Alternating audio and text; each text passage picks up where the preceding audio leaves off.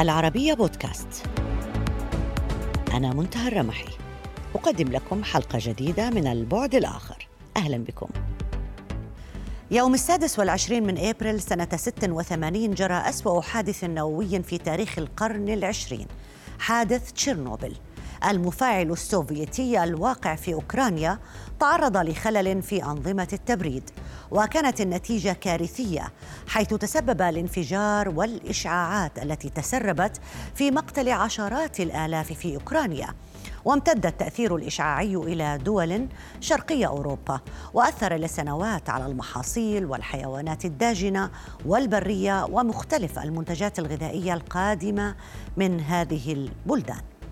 أدرك العالم بعد تشيرنوبل أن أسوأ المخاوف المتعلقة بالطاقة النووية هي تلك التوليفة المتفجرة التي تتضمن انعدام الشفافية السياسية والتكتم المستمر على الأخطاء.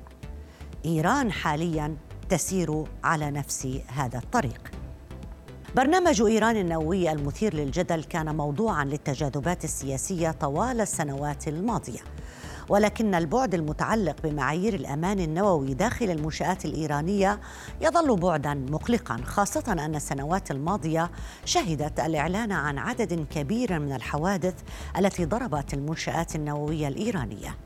وسواء كانت هذه الحوادث ناجمة عن تخريب خارجي أو عن إهمال أو عدم خبرة فالنتيجة واحدة.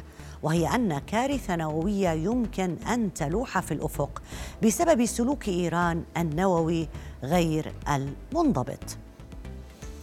في مجلة The Diplomat الأمريكية نقرأ رسالة تحذير تحت عنوان How Iran Risks Another Chernobyl. حيث تساءل ألكسندر سيتش وهو أستاذ الفيزياء النووية بجامعة كنساوي الأمريكية عن حجم المخاطر التي تحيط بمستوى الأمان في برنامج إيران النووي. وحول معايير الأمان النووي في إيران في ظل الحوادث المتكررة التي تضرب المنشآت الإيرانية أرحب بضيفي من واشنطن السيد ريتشارد جولدبرغ المدير السابق لمكافحة أسلحة الدمار الشامل الإيرانية في مجلس الأمن القومي بالبيت الأبيض. أهلا بك معنا سيد جولدبرغ شكرا على الاستضافة. اسمح لي أبدأ بالمخاوف تجاه البرنامج النووي الإيراني، دائما ما تركز على منع حصول إيران على أسلحة نووية أو أسلحة دمار شامل، لكن فكرة المعايير معايير السلامة في البرنامج النووي الإيراني كأنها يبدو أنها لا تثير القلق كثيرا، هل هذا صحيح؟ أعتقد ينبغي أن يكون ذلك مصدر قلق. لو نظرنا إلى سجل البيروقراطية الإيرانية وكيف تعمل وفقدان الاتصال بين من يعملون في المنشآت النووية. وهذا طبعا يمنع المسؤولين من معرفة ظروف الأمان. وهناك دعم روسي لمفاعل بوشهر وهو مفاعل قديم. ولكن ثمة منشآت نووية أخرى تتعامل فيها إيران مع مواد انشطارية. فنحن نعرف أن إيران قامت في السابق بالبحث من أجل تطوير سلاح نووي. إذا يتساءل الإنسان ما يمكن بشأن ما يمكن أن يحدث وما هي التدابير التي يمكن أن تتخذ لتوفير السلامة للشعب الإيراني وإذا حدث خطأ هل سيتم إبلاغ الإيرانيين بذلك؟ هناك قلق بشأن الأمان النووي الإيراني وهذا جزء من السياسة الأمريكية التي لا ترمي فقط لمنع حصول إيران على السلاح النووي ولكن أيضا لضمان سلامة الشعب الإيراني. طيب كيف يمكن أن يكون هذا عمليا وواقعيا في ظل آه انعدام الشفافية لدى النظام الإيراني. وبنعرف إنه النظام الإيراني نظام مغلق يعني حتى في المعلومات النووية ما في تبادل في هذه المعلومات على الصعيد الداخلي. فكيف يمكن التأكد من إجراءات السلامة النووية الإيرانية في ظل هذه الطريقة في الحكم في إيران؟ السبيل الأول لتحقيق ذلك هو إغلاق المنشآت التي تمثل خطرا على المدى البعيد. بموجب الاتفاق النووي لعام 2015 تمكنت إيران من وقف أنشطتها النووية لا سيما فيما يتعلق بمفاعل آراك وبد بدأت في وقف الأنشطة التي كانت ترمي لبناء محطة نووية تعتمد على البلوتونيوم وهذا يمثل سبيل الحصول على السلاح النووي. إذا هناك طبعا تأكيد على وقف العمل في هذه المنشأة ويجب أيضا إغلاق المنشآت الأخرى التي تمثل تهديدا ويجب أن نحصل على الوصول إلى كافة المنشآت النووية الإيرانية. والوكالة الدولية للطاقة الذرية لا تصل إلا لما المنشآت التي أعلنت عنها إيران. وهناك منظمة ذات صلة بالأنشطة النووية وكان يديرها مدير البرنامج النووي الإيراني. وهذه المنظمة تستخدم علماء نوويين ولا أحد زار هذه المنشأة ولا نعرف ما يحدث فيها. فالإعلان التام بشأن أنشطة إيران النووية وتحقق تام بشأن الأنشطة التي تمت حتى اليوم هو مطلب أساسي. وفي فيينا فإن الوكالة الدولية للطاقة الذرية لا تزال تتحقق من المنشآت غير المعلنة والمواد التي تم العثور على آثار لها في بعض المواقع غير معلنة. إذا هناك الكثير من الأسئلة المطروحة من أجل ضمان الأمان النووي وكذلك تطمين المجتمع العالمي بأن أنشطة إيران النووية هي سلمية نحتاج لإعلان تام وتحقق تام وكذلك تفكيك تام للمنشآت الرئيسية يعني هون نحن نتحدث عن جزئين منع إيران من الحصول على سلاح نووي والتاكد من سلامة البرنامج النووي من حيث الأمان حتى لو كان برنامج سلمي برنامج إيران السلمي. في جانب آخر ثالث يعني قليلا ما يتم التعاطي معه. إيران لها علاقات بكثير من الميليشيات اللي بتمارس أنشطة إرهابية في المنطقة.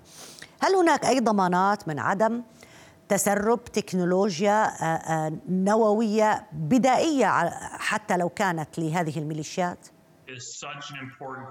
إن هذا السؤال هو سؤال في غاية الأهمية. لو نظرنا إلى السجل السابق لجمهورية إيران الإسلامية ثمة القليل في الترسانة الإيرانية لم يصل إلى الميليشيات والأذرع مثل الصواريخ والطائرات المسيرة والصواريخ الباليستية.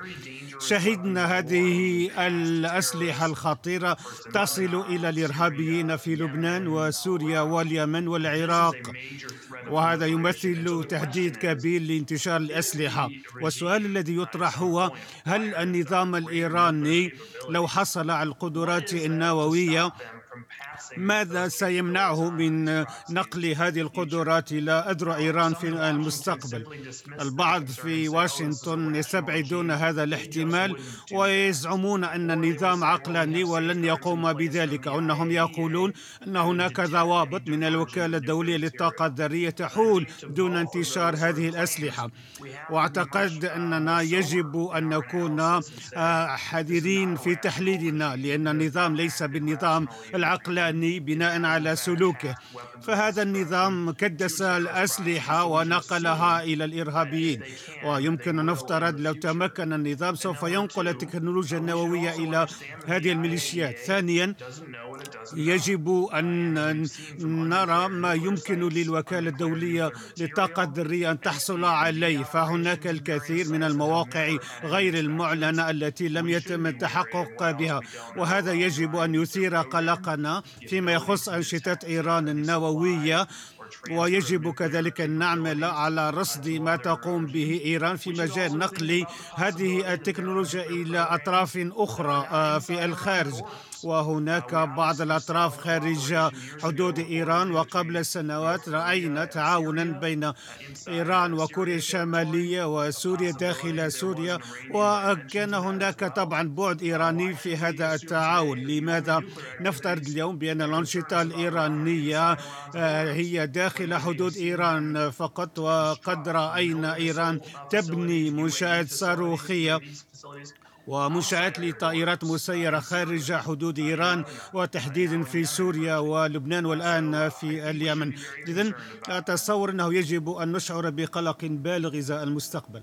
أيوه وأيضا هناك جانب آخر مهم يتعلق بالاتجار غير الشرعي في المواد النووية. منذ سنوات نشرت ال Foreign Policy تقريرا رصدت فيه شبكات التهريب الإيرانية في مجال المنتجات النووية، هذا التقرير حمل عنوان shutting down ايرانز نيوكليير سماجلرز، قالت فيه إن إيران منذ عقود عملت على التزود بالمنتجات النووية من كل الأماكن المتاحة عبر التهريب بالسوق السوداء. هل يمكن تصميم خطة لضبط ذلك الأمر آه، على المستوى الإقليمي أو على المستوى العالمي أيضا؟ أعتقد أن الأمر محفوف بصعوبات. فشبكات إيران واسعة والولايات المتحدة وغيرها سعوا لسنوات للتصدي لهذه الشبكات فيما يخص نقل الصواريخ وكذلك الحصول على التكنولوجيا النووية أو تصديرها. وبالتالي أعتقد ينبغي علينا ننظر عن كثب لهذا الأمر وهذا يمكن أن يتم من خلال خلال التعاون مع الحلفاء وعلينا أن نفتح أعيننا حول ما يمكن أن نقوم به بشأن هذه المسألة على الصعيد المتعدد الاطراف وهذا يتطلب تعاون أجهزة الاستخبارات في الولايات المتحدة وإسرائيل وبلدان الخليج للتصدي لهذه الشبكات وفهم ما يتم نقله والعمل على رصد ذلك في المستقبل لا سيما فيما يتخلق يتعلق بخطوط إمداد المواد النووية. سيد ريتشارد جولدبرغ المدير السابق لمكافحة أسلحة دمار الشام الإيرانية في مجلس الأمن القومي بالبيت الأبيض. شكرا جزيلا لك على المشاركة معنا. ألف شكر. خلال السنوات الماضية حدث عدد غير معروف من الحوادث في المنشآت النووية الإيرانية.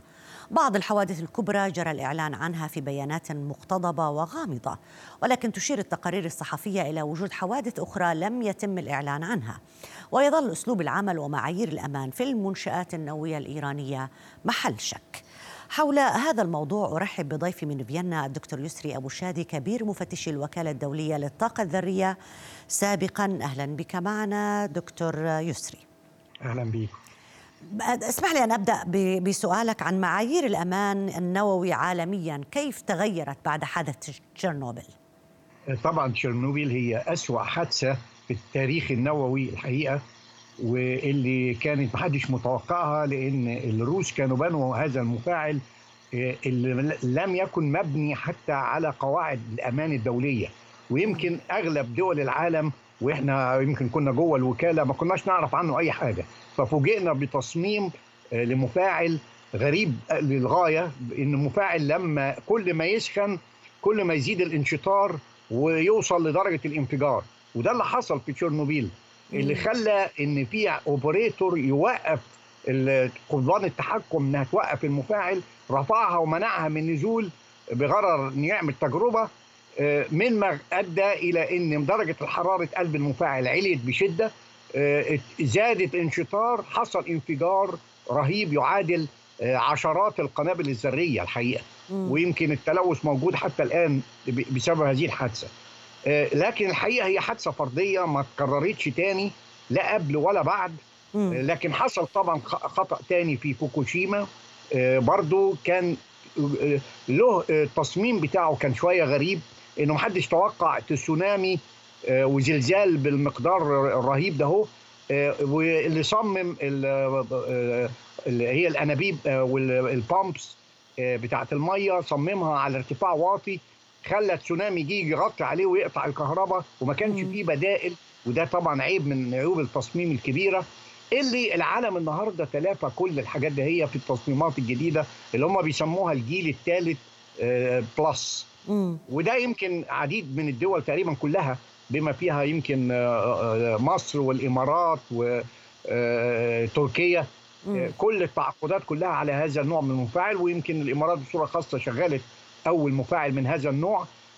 ده لا يمكن يحصل فيه اللي حصل. بس الحوادث اللي حصلت قبل كده مثل تشيرنوبل واشرت حضرتك لفوكوشيما آه، ما حركت العالم بحيث إنه يعيد النظر في معايير الامان النووي في أي دولة عندها عندها مشروعات نووية سلمية أو أو غيرها بلا جدال وكل القواعد أغلبها آه، تشدد بشكل كبير جدا وبقت المطالب أعلى بكتير م. يعني بعد فوكوشيما لما لقينا إن الكهرباء اللي اتقطعت دي وما كانش فيه بدائل النهارده آه، المفاعلات بتاعتنا اللي بتتعمل جديد في ثمان بدائل. يعني فوكوشيما دي فشلت لأي بديل غير الكهرباء الأصلية. مجرد ما الكهرباء اتقطعت وقف كل حاجة. النهارده بقينا نعمل لا لو المصدر الأول آه، وقف الثاني الثالث الرابع بقى في يمكن ثمان آه، آه، بدائل للكهرباء مثلا طيب. أو لغيرها. فقط بعملية القياس دكتور يسري سامحني. فوكوشيما كمان كان العوامل الطبيعية الزلزال كان له تأثير عليه. آه، فيلم المنشآت النووية الإيرانية معروف أنه في بعض منها يوجد في مناطق نشطة زلزاليا. هل يمكن المقارنة؟ بالظبط كده. يبقى إحنا هنا أول حاجة نعملها إن أنا لما بدور على موقع لمحطة نووية أدور على إيه التاريخ بتاع الموقع ده. لو ده له تاريخ زلازل. الزلازل على فكرة مش خطيرة للدرجة. الخطير الحقيقة آه، للدرجة اللي هي الفيالق. الفوالق دي اللي هي الأرض اللي بتبقى بتنقسم نصين والحاجات دي دي ممنوع أصلا إن أنا أعمل فيها أي منشآت نووية ولا مفاعلات بصورة خاصة. إيران آه فيها لها درجات معينة لكن المنطقة بوشير ما هياش منطقة آه، التاريخ الزلزالي بتاعها مرتفع. لما باجي أنشئ المحطات النووية وبالذات بوشير دي أنشئت آه، على مدى يمكن 30 سنة فاخذت آخر الاحتياطات في آه، البنية الأساسية. آه، اتبنت باخذ في الاعتبار احتمالات الزلازل. التسونامي ما اتخذش في الاعتبار قوي لأنه ضعيف للواقع جدا لكن الزلازل اتخذت في بنى المحطة نفسها. طيب آه، بس يا دكتور يسري آه، أنا معك. لكن المنشآت النووية الإيرانية في السنوات الماضية ضربت الحقيقة رقم قياسي في الحوادث العرضية. سواء كانت هذه الحوادث مرتبة أو كانت نتيجة إهمال أو كانت نتيجة عدم كفاءة في آه، وعدم خبرة في حمايتها. هل يدق ذلك نقوص الخطر أمام عدم كفاءة إجراءات الأمان الإيرانية؟ حضرتك يمكن بتخلطي بين مصطلحين. م. الأمان والأمن. ال safety وال security ال safety دي تخص تصميم المنشآت نفسها واختيار المواقع. وأتخيل يعني إن إيران اتبعت الستاندر آه، يعني المقاييس الدولية في في عامل الأمان لأنه أغلبه بيبقى فيه زي المفاعلات بتاعتها كلها شركات أجنبية. كانت ألمانيا الأول وبعدين روسيا هي اللي تولت هذا فهي عارفين إيه الأنظمة ده هي. لكن الأمن بقى ده موضوع تاني. الأمن آه، فعلا في حصل طبعا آه، حوادث كتيرة في إيران. آه، يعني من بداية الفيروس اللي اتبعت ويقال إسرائيل وأمريكا اللي هو ستوكنيكس. ده من حوالي يمكن أكثر من 13 14 سنة. وده آه، عمل تأثير بس تأثيره مش على المفاعل. برضه لازم نفرق بين نوع المنشأة. اخطر أيوة. منشأة نووية طبعا في إيران حاليا هي المفاعلات النووية وبالذات آه، مفاعل بوشير اللي شغال بقاله يمكن 8 9 سنين. آه، ممكن مفاعلات الأبحاث إلى حد ما. لكن في منشآت تانية اللي هي زي التخصيب نتانز وقم. دول ك من ناحية ال safety اللي هو الأمان النووي مشاكله ما فيش تقريبا مشاكل ضعيفة أو محدوده مم. لكن من ناحية ال security بس هذا ما بيمنع إنه يكون في قلق مثلا لا سمح الله من وجود تسرب نووي من أي من هذه المنشآت النووية مهما كان السبب آه. عمل إرهابي عمل آه آه آه ناتج عن عدم كفاءة عدم خبرة مهما كان السبب لو حصل لا سمح الله كيف بده يأثر هذا على دول المنطقة؟ يبقى لازم نفرق ونرجع مرة تانية نقول هو أهم وأخطر منشأة نووية في إيران قطعا هو مفاعل بوشير. بوشهر هذا المفاعل مفاعل أكثر من 1000 ميجا وات يعني مفاعل ضخم وكبير وطبعا بيتعامل مع مواد مشعة بشكل كبير جدا ولو حصل فيه حادثة يعني ممكن تبقى قريبة شوية من فوكوشيما وشوية حتى من شرنوبيل مش بالظبط شرنوبيل لكن يعني ممكن يؤدي إلى تسرب إشعاعي كبير. إذا التركيز كله لازم يكون على هذه المنشأة. لكن في منشات تانية دي أقل يعني أهمية شوية زي منشات التخصيب تخصيب الحقيقة الإشعاع فيه ضعيف قوي. يعني هو أنا بتعامل مع اليورانيوم اليورانيوم ده ما هوش مش... مادة مشعة قوي ده الإشعاع فيها ضعيف للغاية. و... مهما وصلت نسبة التخصيب؟ اللي هي التخصيب بالظبط كده. مهما وصلت نسبة التخصيب يبقى ماده غير مشعه يعني غير مضره اشعاعيا؟ شبه م... شبه غير مشع بدليل إن المفتشين بتخش بملابسهم العادية. مم. يعني يا دوب بحط بلطو عليا ولا مش عارف إيه وأنا بخش. ده نسبة الإشعاع طالعة منه ضعيفه للغايه الخطير هو الوقود المستهلك اللي طالع من المفاعلات. ولو أنا كنت هعمل زي ما بيقولوا reprocessing أو استخلاص البلوتونيوم من الوقود ده. آه ده قمة قمة الخطورة. أيوة. لأن نسبة الإشعاع فيه بتكون عالية جدا جدا. طيب و... هذا ب... هذا بيرجعنا للسؤال دكتور يسري إنه آه بسبب المواقف السياسية الإيرانية في عدم خضوع لهذه المنشآت لكثير منها لمفتشي الوكالة الدولية للطاقة الذرية. ألا يزيد هذا من ال... الخوف من مستوى الأمان في هذه المنشآت سواء كان بوشهر ولا غيرها؟ عظيم جدا. خلينا دلوقتي نقول إحنا يعني من ثلاث أربع أشهر لا الوكالة كانت متواجدة وبكثافة. مع العلم زي ما قلت لحضرتك إنه أخطر منشأة موجودة هناك هو بوشير. بوشير دول اللي عملوها الروس واللي بيشغلوها الروس وما زالوا هم المسؤولين عنها وبيبنوا بوشير اثنين فدي أكتر حاجة يعني تحت ال control. لكن اللي حصل طبعا خلال الثلاث أربع أشهر اللي فاتوا دول وبداية إيران مخالفاتها في الاتفاق بتاع خمسة زائد واحد خلى دور الوكالة يقل يقل مم. كتير عن قبل كده. الدور ده بقى له علاقة بحكاية ال ال ال ال الأمان. لا ملوش علاقة بالأمان لأن المفتش النووي مش شغلته إنه يوجه المنشأة دي شغالة صح ولا لا؟ دي مش شغلته. لكن شغلته إن يقول الناس دي بتنتج مواد قد إيه مواد نووية قد إيه بتخصب قد إيه بتطلع يورانيوم عالي التخصيب قد إيه.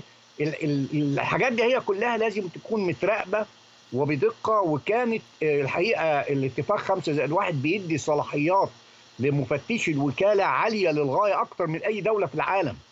آه النهارده طبعا من بالظبط كده من يوم 24 فبراير السنة دي طلع قرار من البرلمان وبإيقاف التعاون مع الوكالة في مجالات الإضافية إيه هذه هذه أصبحت معروفة لكن إحنا ما همنا في هذه الحلقة هو الحقيقة الحديث في الأمان النووي. من إيران وأثر ذلك على دول المنطقة بشكل عام. الدكتور يسري أبو شادي كبير مفتشي الوكالة الدولية للطاقة الذرية سابقا. شكرا جزيلا لك على المشاركة معنا. ألف شكر. طبعا دائما يمكنكم متابعتنا على مواقع التواصل الاجتماعي تويتر فيسبوك ويوتيوب. إلى اللقاء.